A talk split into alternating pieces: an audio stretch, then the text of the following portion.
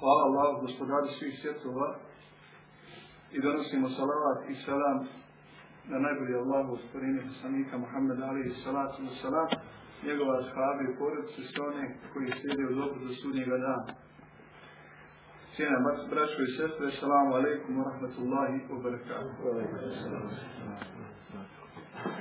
Hvala Allah Đelešanu koji nas je sakupio da govorimo o onima za koji poslanik sallallahu alaihi wa sallam kaže da su varasatul enbiya, da su učenjaci, nasljednici poslanika alaihi wa salatu wa sallam. Jedna zanimljiva predaja od Sufjana ibn Ujene kaže Inda zikri salihin tatanazzalu rahme. Kaže kada se spominju dobri poput onog kojeg ćemo mi večeras inša Allah spominjati o kojem ćemo govoriti kaže spušta se Allahu Đelešanu milost. Kad se priča o Lemi, kad se priča o dobrim Allahim Đelešanu robovima, prije svega o poslanicima, onda njihovim nasljednicima, učenjacima, Allahu Đelešanu se milost spušta. Jer od njih učimo i to su oni koji su nas u dobru pretekli.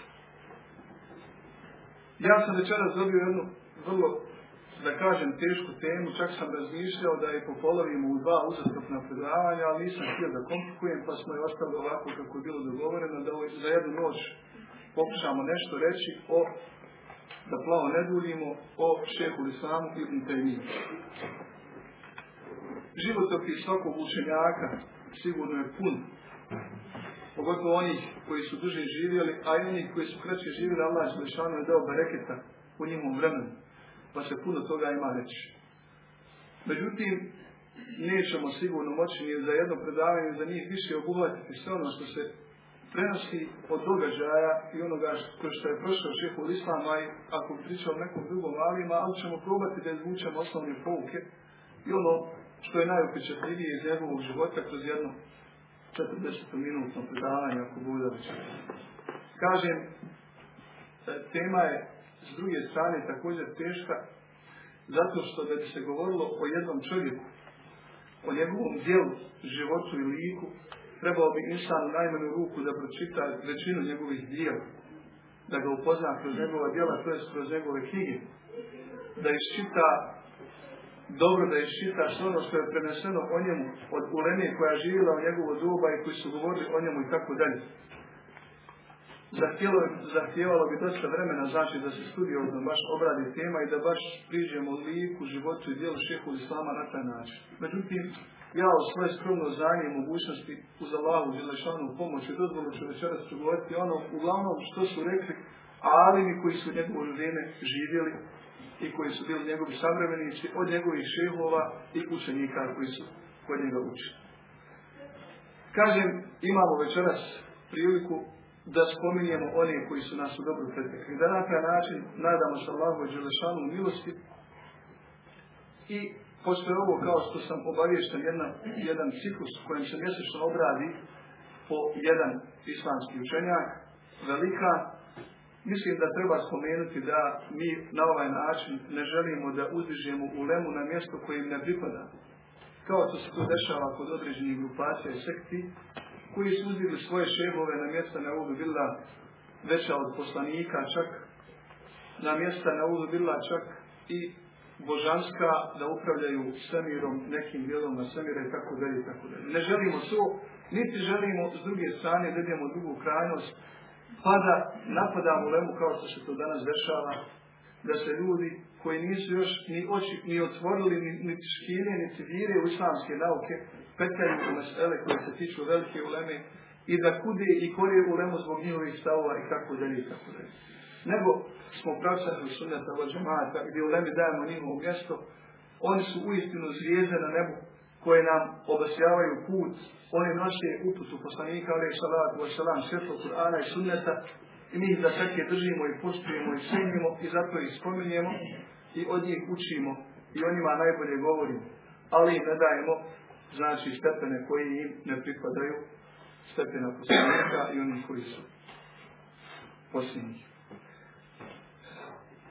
Nakon ovog kratkog uvoda, znači govorimo večeras uz Allahu Đelešanu pomoć kao što je i najavljeno o šehu Islamu ibn Kad se kaže šehu Islam, prvo što čovjek ponavlja da jeste upravo šehu Islam ibn Taymiye, mada su tu titulu nosili i pojedini drugi alim kroz istoriju Islama.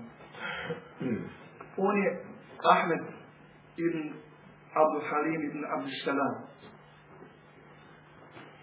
To ime Ibn Taymiye Ulema spominje da ima više znači predaja zbog čega se tako nazvao, to je zbog čega su ga tako zvali. Jedni kažu da, im, da su oni njegov djed Muhammed ibn Habr, da je imao uh, njegova majka da se zvala Tejmija i da je bila učena, da je držala predavanje. Pa sve njene sinove poslije toga, znači unuke, nadalje oni koji su bili o, znači učenjaci, uzmali su to, taj nadimak, jel Ibn Tejmija, sin Tejmije, jer Tejmija je žensko ime u arabskom jeziku. Obično, znači, kad se spominje u lema, govori se sin, pa osam se spomenja, tako? Ili Ebu pa sin, e, znači otac određenog svog sina, recimo Ebu Labas, njegova kunija bila jedan od naziva Ebu Labas, otac Abbasov, mada je imao djeci, ali to je običaj kod Arapa, znači da na taj način imaju te nadimke po sinu. Iako ga možda i ne ali tako, tako se naziva, jel?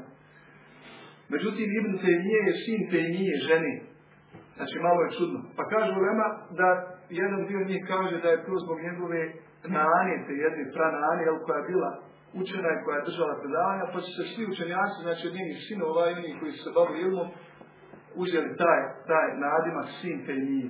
Drugi kažu da je taj njegov djed, jedan od predjedova Mohamed ibn Hadr, da je bio na hađu dok mu žena bila trudna, pa je na putu na hađu u mjestu te ima vidio plaho lijepu srcu na lijepo dijete. Vratit se kući kojim je ostalo u sjećanju. Vratio se kući pa je zatekao da mu se žena porodila i rodila čuricu i on je nazvao Tejmija. Po tom mjestu Tejma gdje je sreo dotičnu lijepo dijete na putu na. I tako dalje i tako dalje. Uglavnom, uglavnom znači to Ibn Tejmije je njemu nadimak ili ime koje nosi od znači nekih svojih predaka, to jest malo dalje nije od, od svoje majke. Ono što je bitno za njega spomenuti u početku jeste da je iz Olemanske porodice. Da je ta porodica, znači, porijeklom iz Turske i sjevero-istoka gore, uh, mjesta Harvana, i on je se rodio gore 661. izvijski godine, ili 1283. ako nisam siguran, ove Gregorijanske. Čitava porodica njegova, znači prije svega njegov babo, je, je bio poznati hambelijski fakih, učenjak, a dedo još poznati Ebu Barakar, koji nije poznati Alim, koji je napisao Muntakal Bar djelo, poznati je njegov komentar od imama Neuvija, Neuvija Znači, ulemanska porodica i dosta, dosta je dala Alima i učenjaka, čitava porodica, mimo njegovog dede i mimo njegovog oca imaju znači priliku da odrasta u porodici, imaju sve, imaju sve predispozicije da, da naraste baš u jednom alimu kako, kako je izrastao. Kažemo, rodio je se u tom selu Harran, to je naselju Harran u Turskoj. Međutim, sa šest godina Tatari nadiru sa istoka i njegov otac se seli, znači, bežeći pred Tatarima, dolazi u Damask i uvijek se spuštaju u Damask. I njegov život uglavnom provodi, svoj život provodi u Damasku sa jednim sedmogodišnjim odlaskom u Egipat, a ostalo vrijeme, znači da ponovo se vraća i umire u tvrđe u Damasku, što ćemo poslije, ako bude spomenuti. El Bezar, jedan od njegovih učenika, poznate El Bezar, nekad najdete i na to ime, kad čitate islamsku literaturu, Ebu Hafs spominje da je još kao dijete se na njemu primijetilo da je bio izuzetno visoke inteligencije, promisljiv i od Allaha Đelešanu prije svega na. Prenosi Bezar da je otac Ibn Taymiyyim, rahmatullahi alaihim, njegovom učitelju Kur'ana, muallimu koji ga je učio Kur'an, a već je u, znači u ranom djetinstvu naučio Kur'an na pamet, jedan dan predložio, pošto ga je tek počeo učiti, kaže, da mu damo, evo ti, kaže, od mene 40 dirhima u kesi. Pa kaže, sljedeći put kad ti dođe, postakni ga malo na učenje i obećaj mu te pare, pa mu ih dani. Neće li se još više jel, zagrijati, neće još imati više volje morala da uči Kur'an. Pa je taj njegov učitelj Kur'ana, Mualim pristao i ponudio je, znači, tada dječaku od znači 7-8 godina koliko je imao, već dječak je bio uglavnom, nije bio ni punoljetan po islamu. Pondio mu je to. Pa mu je on rekao, kaže, ja sam se Allahu Đelešanu zavjetovao da ne uzimam za Kur'an nikakvu nadoknadu. I onda kaže ovaj njegov učitelj, kaže, tad sam vidio kako me Allah, da ovo dijete znači nije običan dječak. Nego da ima posebnu brigu od Allaha subhanahu wa ta'ala, znači Allah wa ta'ala posebnu brigu o njemu vodi. Dao mu je nešto posebno na sve djece, ali takvu rečenicu ne može dijete, znači od nekih 7, 8, 9 godina da kaže. Tako ozbiljno i tako, tako velikim uveženjem. Kaže, tad sam već vidio da, da taj dječak nije, nije običan dječak. Također se prenosi Elbezar bilježi također da je on svojim putem kod svog mualima, kad bi išao da uči Kur'an, svaki dan sve jednog židova, bio mu usput, jel, pa bi izlazio pred njega i bio mu simpatičan dječak, pa bi mu postavili određena pitanja, a on bi mu brzo, sasvim pedantno i precizno i bez drugog promišljanja odgovarao, pa mu se svidio. I družeći se s tim šehom islam, znači još kod dijeta, kad je bio obični dječak, mu je, jel, da, da privati islam, odnao islam, pa je taj židov sebebom njegovim, još dok je dječak mali bio, primio islam. Ima dosta znači stvari koje se, pogotovo Bezar koji je napisao djelo na temu šehu Islama, njegovog života, koji se spominje dosta događaja iz njegovog života, ali prilike sad ne dozvoljavaju da to se spominje. Uglavnom, ono što je bitno spomenuti da mu Allah znači dao, pored toga što je odrastao u lemanskoj porodici, u islamskoj sredini, predispozicije, pored tih, dao mu je također, znači, visoku inteligenciju, dao mu je da bio izrazito pametan, oštrouman, kroničke. Čak se o njegove se spominje dosta predaja, koje onako malo izgledaju čudne. Jedna od tih, recimo onako koja je dosta prihvatljiva, jeste da su jednom grupa njegovih učenika došli kod njega, već je bio tad učenjak poznat, Raspredali su se, znači, o nekoliko mestijela, otišli, znači, otišli od njega nakon časova, kod njega otišli su kući, pa su se nešto oko nekih mestijela, što mi kažemo, zakačili pitanja, raspredali, pa su se dogovorili, pripremili su ta pitanja i kaže, prvi put čim se sveti mušija, iznijećemo ih, da njega pitamo. I kaže, mi smo onako što kažu, na osnovu došli pred njega, sa spremnim pitanjima, zamolili sve i možemo pitati. I kaže, prije nego što smo mi postavili pitanje, on je počeo da priča. Nije nam dao da postavimo pitanje. I kaže subhanallah isto da je znao sve ono što smo htjeli pitati, on je o tome progovorio i dao nam odgovor. Mi na kraju kad je on završio, samo smo kaže ostalo ono što mi kažemo za bezitno. Isto da je znao da mu Allah je dao ilham da zna šta ćemo od. Znači, procijenio prilike šta je to u njihovim glavama, šta su oni htjeli, oko čega su raspravili, pa došli kod njega da pitaju i odgovorio im. Također spominu da u jednom napadu Tatara na Damask, koji su u to vrijeme bili vrlo česti, da je da su ljudi došli, znači u strahu, u sobu došli kod njega, jer ljudi, znači u tim momentima straha i zebnje, znaju kome se treba obratiti. Ne obraćaju se svom dunjalu, nego i kod nas ljudi kad zemljotres zatrese, goni djecu postok i uči šta znaš, tako? Allah se zelešanu ljudi obraćaju kad dođu situacije, kad se više na sebe ne mogu osmaniti ni u kom smislu tad se kupio oko istinskih učenjaka, kao što je on bio, pa su njemu došli, on je se okrenuo, putio do ovo Allah subhanahu ta'ala i rekao, kaže, uz Allahu Đelešanu pomoć, za tri dana će taj neki prostor u blizini Damaška biti napunjen njihovim glavama, neprijateljskim glavama. I u istinu kažu, tako nam Allah, poslije tri dana bitke i borbe sa Tatarima, taj se prostor napunio njihovim mrtvim tijelima. Znači Allah subhanahu wa ta'ala spominje se dosta tih slučajeva, čak bilježi kao kerameta od njega, da mu Allah subhanahu wa ta'ala dao pronicljivost. Bio nadahnut jednostavno da bude upravo ono što je bio rahmetullahi. Što je bitno spomenuti također, ono što se veže za njegovo vrijeme, jeste da je živio u vrlo teško vremenu kroz koje je u to vrijeme prolazio islamski umet.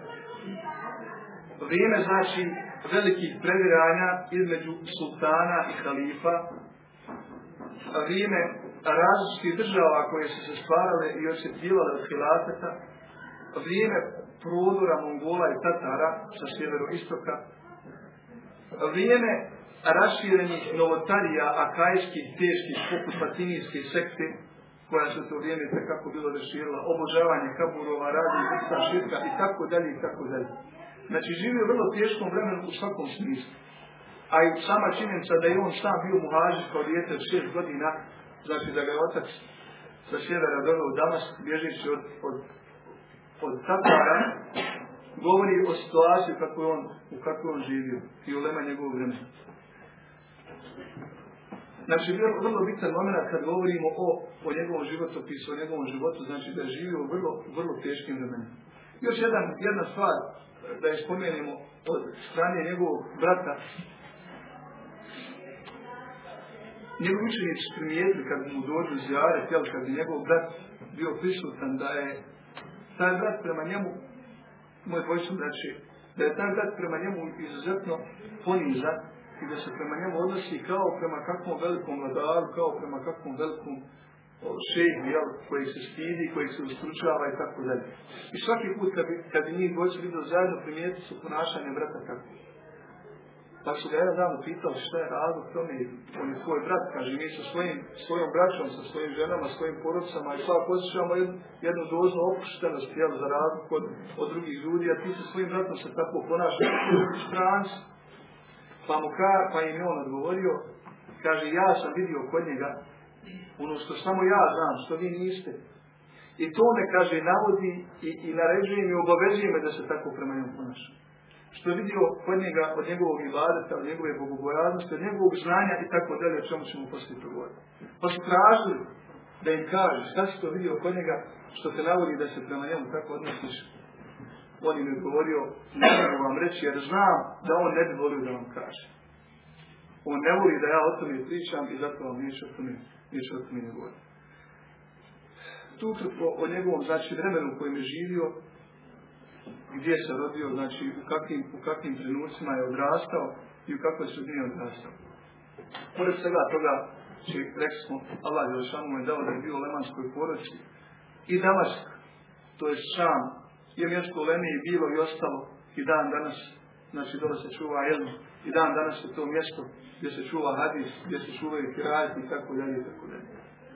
I Allah subhanahu mu je dao da je još dok je bio dječak, možemo reći, od nekih 13, 14, 15 godina, prvo učeći Kur'an na pamet, udubljujući se u arapski jezik i njegovu gramatiku i njegovu križevnost, pa preko tesira Kur'ana i usuli fikha je za kratko vrijeme pretekao do tadašnju ulemu pred kojom je učio. A učio je pred mnogima. U to vrijeme da ih sad ne nabrajamo, obično se kad se spominje o Alimi, znači o njihovim životopisima, Ulema spominje Ulemu pred kojom je učio, pa onda spominju njegove učenike, ali nama su to manje više imena od kojih nećemo Hama ništa ne zapamtiti, nećemo onaj, neku, neku veliku fajdu od toga. Uglavnom, pred svom Ulemom Šama je učio i za vrlo kratko vrijeme i pretekao. Tako da za njega kažu da je još kao dječak bio toliko sposoban u određenim naukama, da bi ljudi kad bi došli pred njega, oni koji su htjeli nečemu da ga pitaju, kad bi počeo da govori o nekoj nauci, misli da on samo to zna i da mu je to struka, da više ništa drugo ne poznaje kako je bio e, temeljit i kako je bio dobro potkovan u svemu onome o čemu je pričao.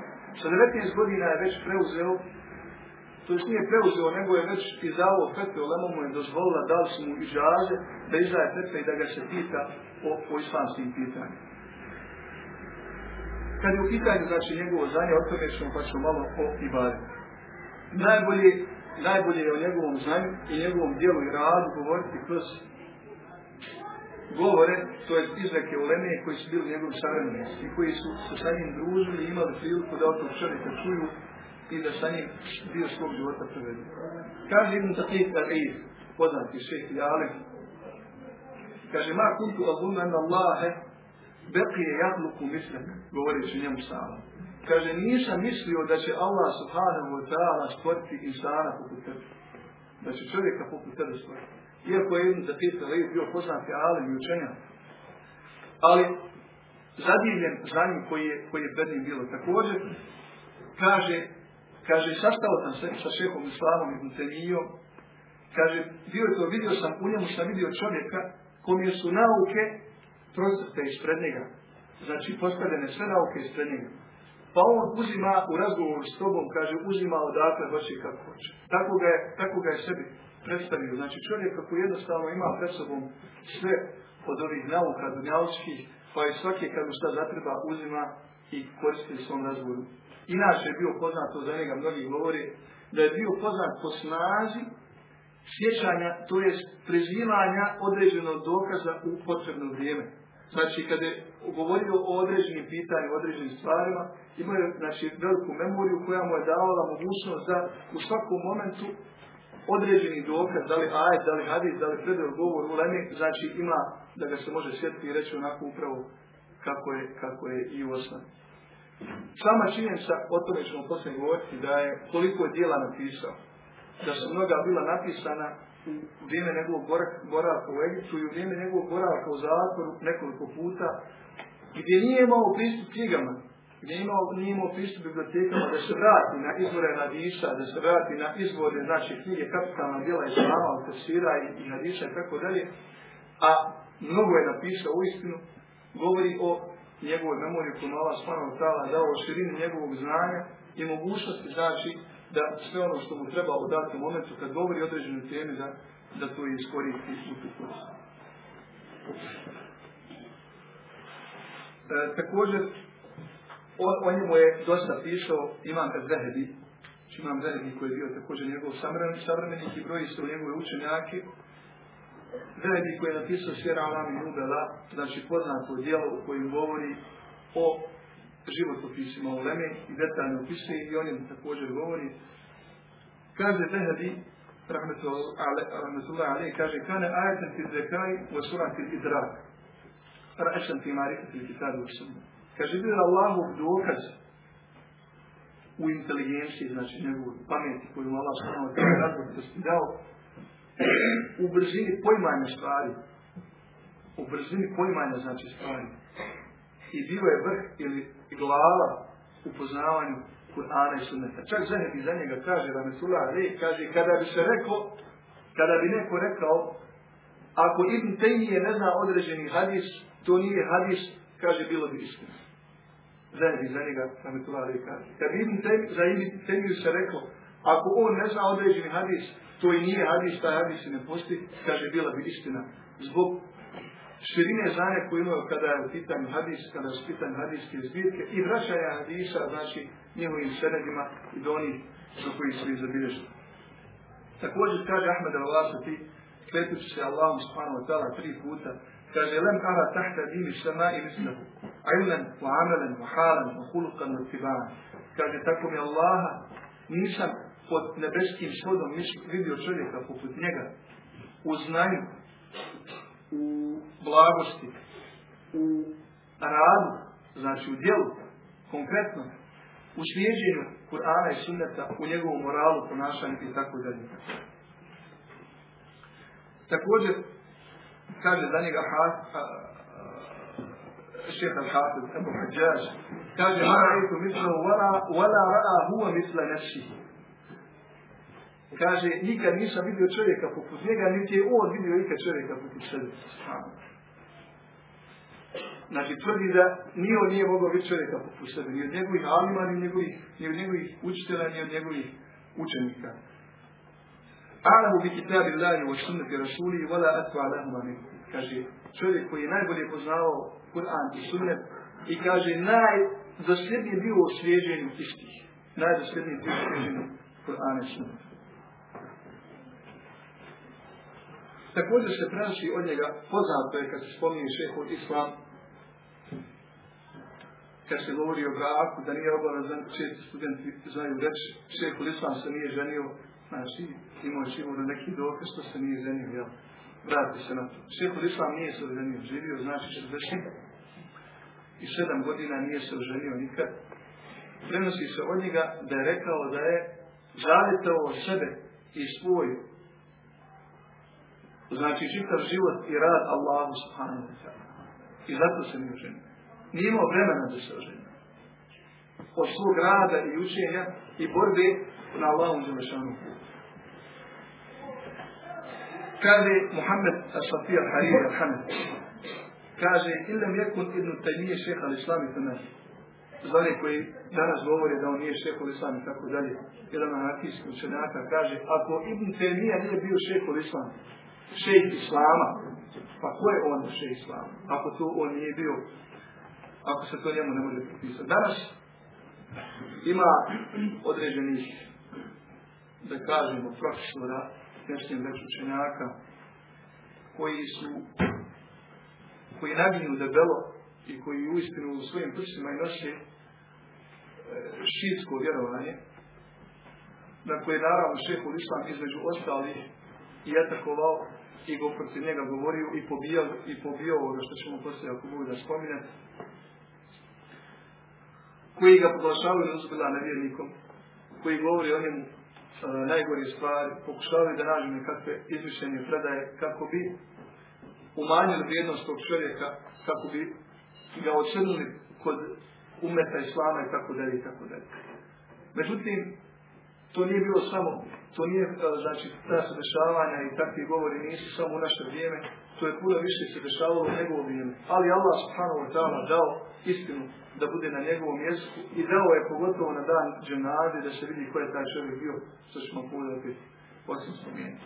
Kažem, uvijek će biti, uvijek je bilo oni koji su napadali u lemu ahli sunneta u džemata. Vi danas imate ljude koji psuju Ebu Bekra i Omera, znači ljude koji psuju ashabe. Ima i oni koji se pripisuju islamu koja i, i poslanika ne ovdje bila smatruju, smatruju manje vrijednim rečima dalje i tako dalje i tako dalje. Znači uvijek će biti oni koji će govoriti protiv uleme, uvijek će biti oni koji će pokušavati da ih osredni, ali na takve se ne treba obazirati, nego upravo zbog toga večeras čitamo izjave i izreke priznatih alima ako sunata vađemata kroz istoriju islama koji su govorili o ovome čovjeku, njegovom bijelu životu i znanju. Također se spominje, Abdul Qadir al kaže da je šehu islamu još prije punih 30 godina ponuđeno zbog njegovog velikog znanja koje, znači, koje su svi primijetili i od uleme njegovih učenika, koje je vrlo, za, za vrlo kratko vrijeme stekao, ponuđeno mu je da preuzme sudstvo u svoje vrijeme. Pa nije pristao na to, rahmetullahi. Preuzemo, je da bude, da bude znači, šefom na šajfu, da bude vrhovni šef svih šefova, pa nije to pristao. Nije znači bio od onih koji su težili bilo kakvoj funkciji, kao što kaže za njega bez njegov učenik. Kaže Subhanallah, ni jednog našeg učenjaka i učitelja nismo vidjeli da je poput njega. Čovjek koji potpuno teži zub do skromnosti, koji nikakvog udjela u dunjalku nije tražio, znači od onoga o čemu teže ljudi danas.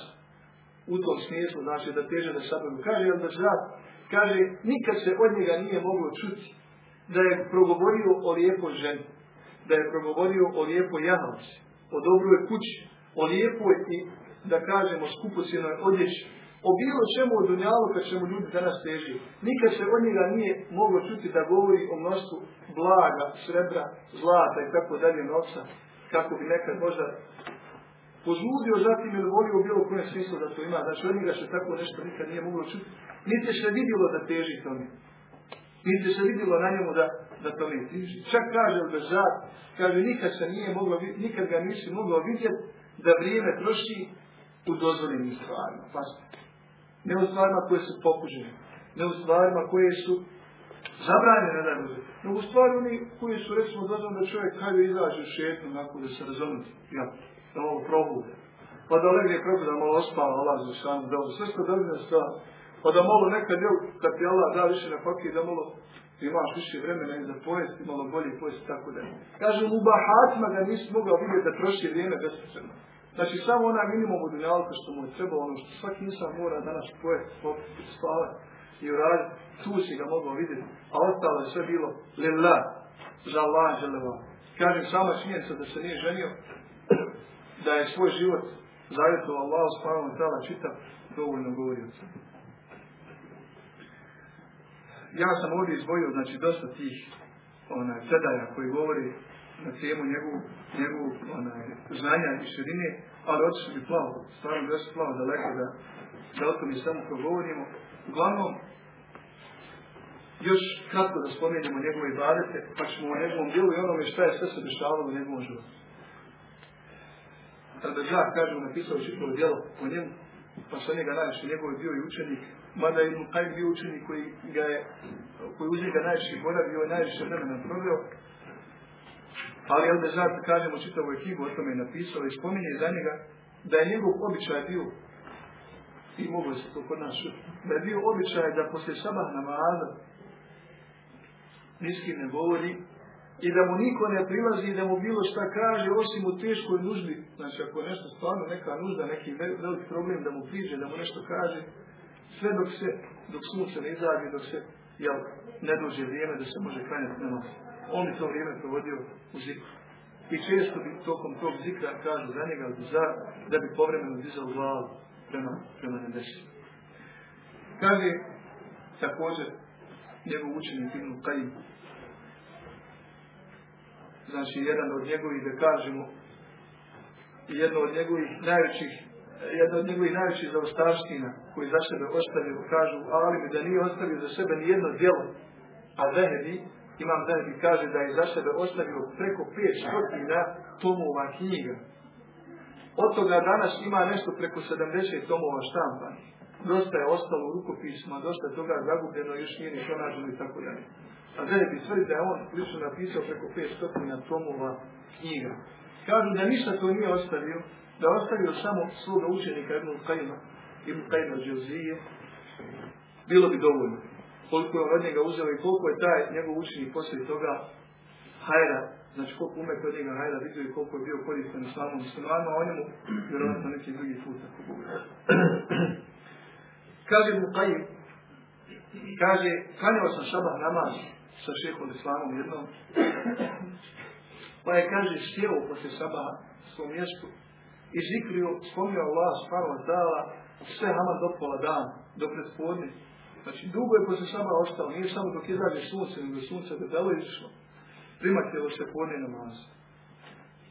I kaže, tako je sjedio i zikrio i onda posle tog dugog vremena sa meni ukrenuo, rekao, kaže, hadi je zaduvati, ولو لم أتغدى سقطت قوتي kaže ovo je moj ručak, ovo je moja hrana. Ako je ne uzmem, ako ne pojedem, izgubit ću snagu. On je, on je svoju hranu, to je svoju snagu nalazio u zikru. Također Bezar kaže za njega, prenosi se, da kad bi nama stao da bi se tresio. Da je tako skrušeno i tako svjesno i tako prisutno donosio početni tekvir u namazu, da je bio pravi primjer zanemarivanja dunjaluka i svega onoga što je oko njega kada bi on donio početni tekvir.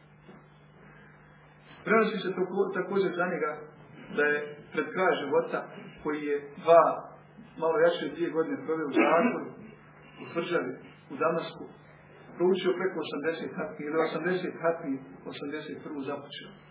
Znači bio je čovjek koji je živio s Koranom. Također kažu za njega da je u tih zadnjih dvije godine koje je proveo u zatvoru u tvrđavi Damasku, Damasku, da je izjavio Kaže, žao mi je što sam svoje vrijeme proveo u drugim naukama mimo Kur'ana, mimo Tefsira. Žao mi je što nisam svo svoje vrijeme posvetio Kur'anu njegovim značenjima i razmišljanju o Allahu subhanahu wa ta'ala knjizi. Jer tad je imao veliku priliku da to ne razmišlja.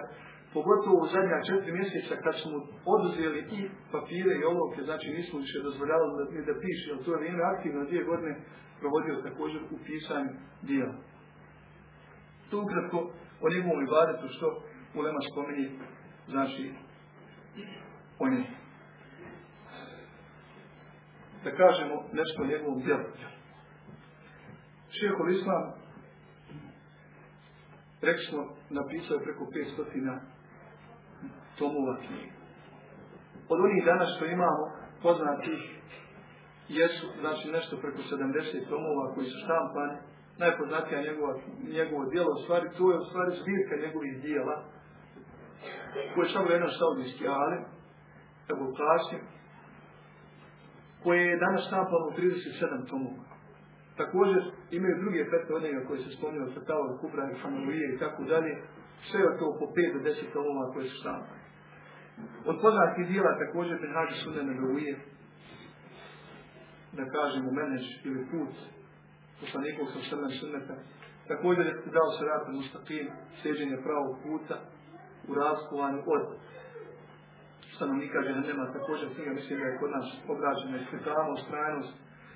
Njegova knjiga koja također govori o tome koliko je znači se borio protiv svih tadašnjih da kažemo pravaca i šekli koji su skrenuli s pravog puta, pa između ostalog i kršćana. Napisao je knjigu o Dževabu Sahih Limen Betele Dine Mesih u dva muželeda, u dva toma. Knjigu koja, koja nosi naziv ispravan odgovor onome ko je izmijenio vjeru Mesija. Isa salam. Znači, odgovor onima koji su izmijenili, to je kršćanima koji su izmijenili ono što je s je došao Isa. I njima je odgovorio. Napišao je knjigu Nakudul Menteka. Obaranje ili opovrgavanje tadašnje, da kažemo, mentok je logika bukvalno na arabskom mjestu, ali to se više, više jel, bliže filozofiji, tadašnje filozofiji. Oborio je i njihove, i njihove stavove i kažu ljudi kada bi ga filozofi slušali, mislili su da je jedan od najvećih učenjaka, filozofa tadašnjih vremena, da je, znači, kad bi govorio njihovim jezikom i njihovim terminima, bio upečatljivio samo jednu sine koji je bio pojam tadašnji filozofije. Ja sam čuo jednog naših profesora, za jednog profesora u Alžiru, islamskih nauka, znači, koji imao Amižu, profesora filozofije na univerzitetu, jednom od prestižnih univerziteta u Alžiru. Koji je bio čovjek, pravi filozof, znači sumnjao sve, musliman po porijeklu, ali slabo, slabo musliman što mi kaže. I načuo je, dobio je znači par informacija od onih zarednika koji je pogotovo bilo vrijeme šehu Islama, o Ibn Temiji, pa je o njemu imao vrlo loš stav i loše mišljenje. I kaže ovaj čovjek, znači njegov bratić, uporno sam, kaže, pokušavao sa njim razgovarao, ali jednostavno nije sebi dao prič, kad je Islam u pitanju, znači to je čovjek koji je zalutao, koji je lupao i gluposti i tako dalje, nije jednostavno htio dozvoliti da sa njim govori. I nekako sam ga privolio da samo jedno njegovo djelo pročita. Samo jednu njegovu knjigu da pročita. Kad je pročitao jednu knjigu samo, jedno sam ga uspio navoditi da pročita, nije htio da čita. Kaže, kad je pročitao jednu knjigu, onda je uzeo sve što je moglo šehu Islama, što je štampano do sada. Onda je, kaže, kad je pročitao njegova djela, otišao u drugu krajnost. Toliko je se da kaže nije zagrio za šehol islama i za njegove djela i za njegovo naukovanje i za njegov pravač i promišljanje u islamu i životu, da je počeo da ga izdiže iznad mjesta na kojem on jest. Znači, ne da negira svu drugu lemu, nego da kaže ne može sa njim niko porediti. Jednostavno nije htio da priglata više ništa mimo šehu islama i Temiji. Čovjek je promijenio svoj život, iako je bio ugledan profesor filozofije u poznim godinama. Ali čitajući djela tog čovjeka, koji je istinu bio izvrstan poznavač arabskog jezika, i svako znanje, svaku nauku koju je ušao i u filozofiju, ušao je u nju, znači, taj mental tadašnji ilmu tijela, jel, samo radi toga da bi opovrgao one njihove stavove koji su suprotni dini, dini islamu. I u to kad je ušao i kad je tu nauku izučavao, pretekao je oni koji su, koji su njoj bili poznati, jel, i veliki učenjaci. Kažem, to je primjer, znači, samo jednog dijela. Uglavnom, trudio je se da u svoje vrijeme da odgovor na sve probleme tog vremena. Dijelo riječima pisanja. Pored znači pisanja, evo spomenuli smo odgovore na filozofima, odgovore kršćanima, također odgovarao je i onima koji su obožavali kaburove. Evo recimo ovo je jedna knjiga koja je štampana njegova, Kajda želile ti to vaše uvesile, koju govori o jednom visokom, jednom uzvišenom pravilu, po pitanju posredovanja kod Allah subhanahu wa ta'ala. Na koji način se kod Allah Želešanu može posredovati i kako je posredovanje kod Allah subhanahu wa ta'ala primjeno. Odgovarajući onima koji, koji se uh, mole evlijama, koji se mole kaburovima, koji tavafe oko kaburova i tako dalje. Znači, traže posredstvo do Allah subhanahu wa ta'ala preko određenih ljudi, šehova, pogotovo mrtvaša, kaburova i tako dalje. Znači, ima je odgovorio. Batinijama koji su to vrijeme bili prošireni, koji su Kur'an i sunnet tumačili, znači tumačenje kako nije vam pasao. Allah je šanu propisao hađ, oni kažu nije hađ, to je odlazak na krbovec i gluposti i tako dalje. Znači, stavljaju značenja, značenjima Kur'ana sunneta ona koja njima paša, kako oni hoće. Sama nije zbate nešto skriveno, nešto umkraši i on to izmišljaju kako njima paši, on ima drugi put. I njima odgovaraju, sa njima velike Čak u jednom pismu svoje majeci, koje traži Allah zbog znači nedolaska i nezijareta česti koji nije mogao priučiti, kaže ako bi ja otišao odavde gdje sam sad, znači ako bi napustio ovu borbu koju sad jesam, a to je baš upravo borba bila protiv svih iskrenih pravaca u vrijeme koji su bili se pojavili, kaže mnogo bi se stvari pokvarilo i mnogi bi fesad nastao na Dunjalku i u Dinu. Pored znači dijela, pored pisanja, ja sam znači samo jedan mali dio spomenuo svega toga što je on napisao, odgovarajući novotarima, odgovarajući nevjernicima, odgovarajući svim zabludjelim sektama i praksama koji se pojavili i bili u njegovo vrijeme, on je bio prisutan i na terenu džihada. Čak u jednom napadu od strane Tatara, znači kad su spojili Damask, vojskovođan je bio Gazan, Ibn Gazan, koji su bili muslimani, a oni su primili islam ono površno, nisu oni baš bili muslimani kako treba, jer su ubijali muslimane opet. Jedan od lokalnih također kraljeva nevjerničkih je zatražio toga zana da ih, da ih pusti nevjernike da ubije muslimana po Damasku. I ovaj se počeo dvomiti, jel ponudio me velike sume novce. Pošto je bio i on tanak u islamu, roditelji su bili nevjernici, on je primio islam, ali sve to bilo tanko.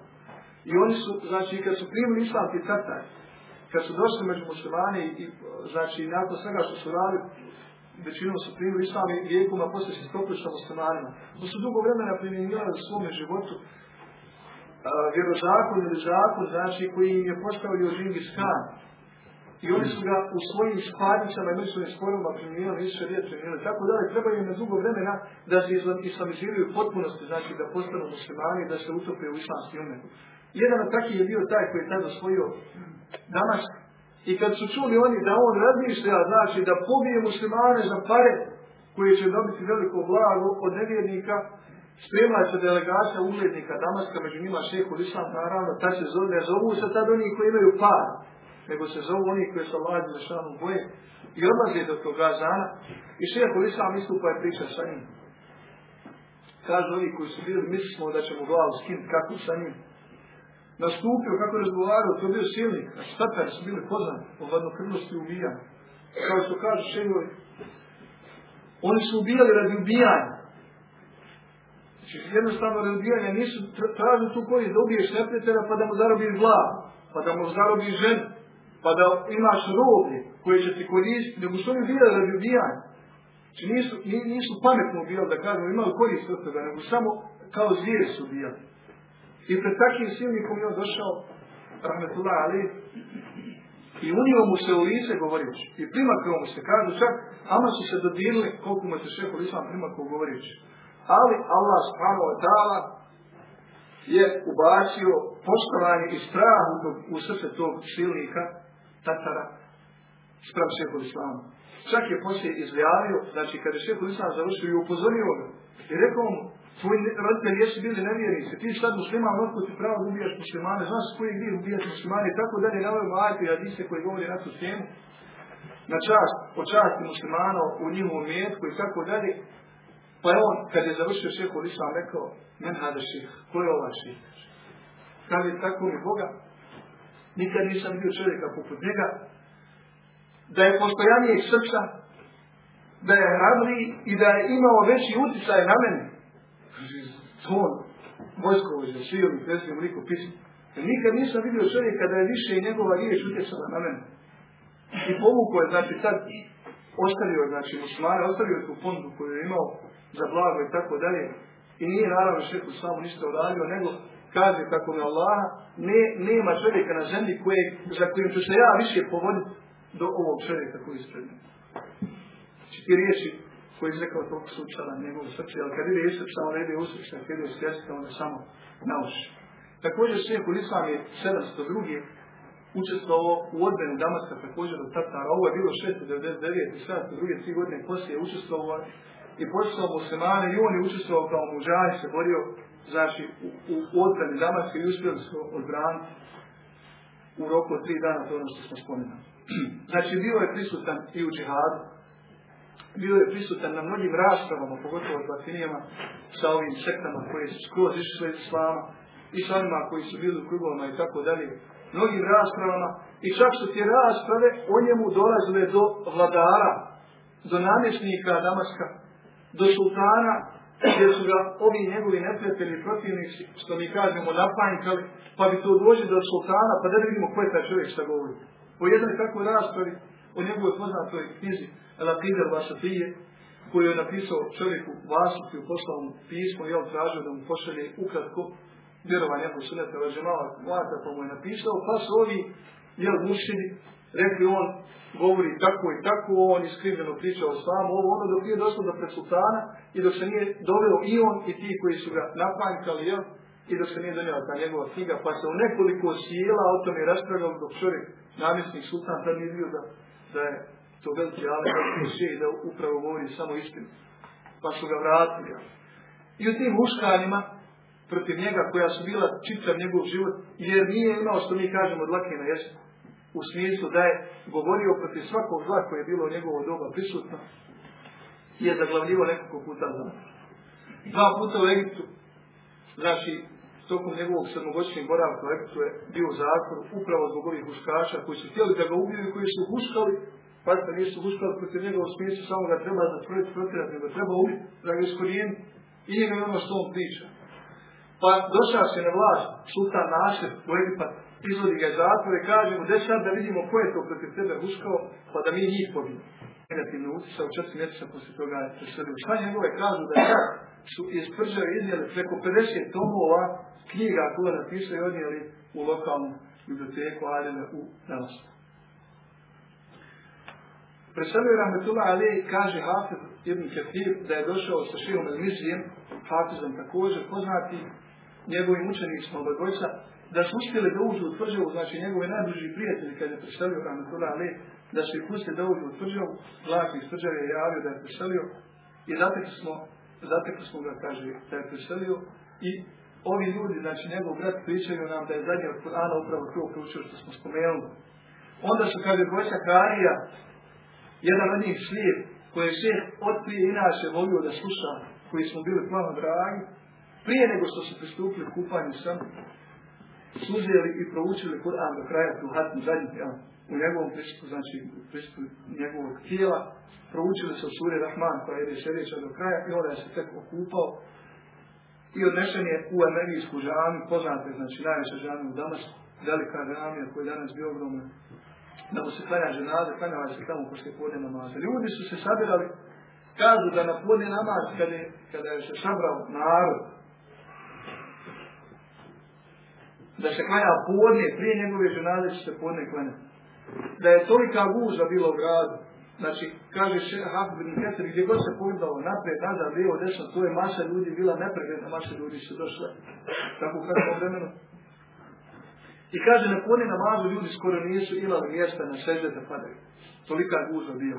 Čak su, kaže, mnogi taj dan zamijetili da postio nisu imali gdje jesti. Tolika je gužva bilo u Damasku taj dan na njegovoj ženazi pristup. Ona mnoštva ljudi, kao što kaže imam Ahmed, na vedu na Jomul ženazi. Govorijeći novotarima i onima koji se borili protiv njega, kaže, nađemo se na dan ženazi to je vidjet ćemo se na dan ženaze u smislu, ženaza će pokazati ko je bio na istini, kome će ljudi doći na ženazu. Upravo je to, znači se desilo i kod samo na njegovoj ženazi, kao što se jednu ćete spomenuti.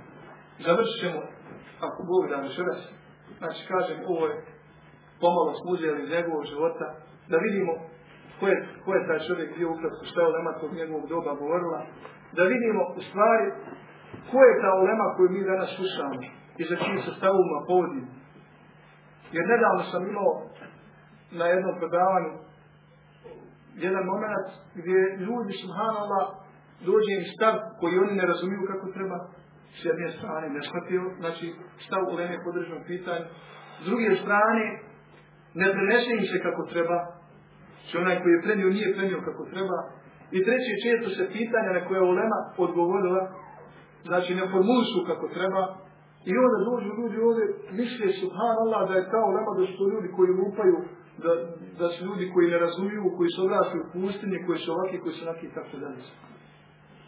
A ne vidi da je problem u njima, što nisu shvatili, što nisu naučili, što nisu pojmili ono stvar.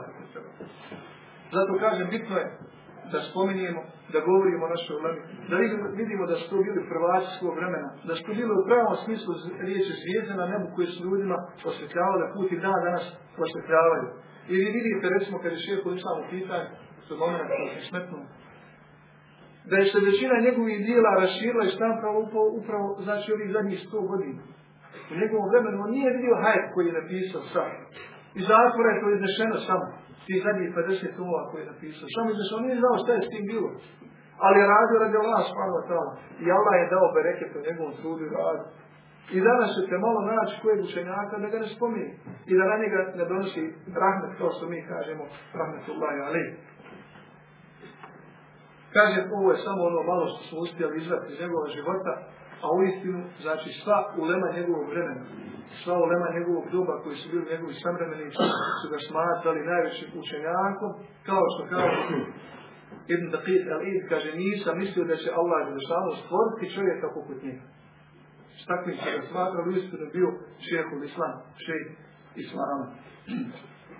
Kaže za njega, njegov učenik, završit ćemo s te njegove izjave, uh, Al-Jawziyya, to je Ibn Qayyim al-Jawziyya, Ibn Qayyim sam,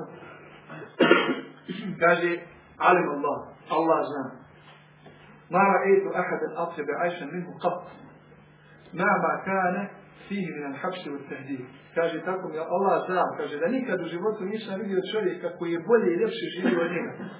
Iako je stalno bio izložen hapšenima, prijetnjama, raznim potresima i tako dalje.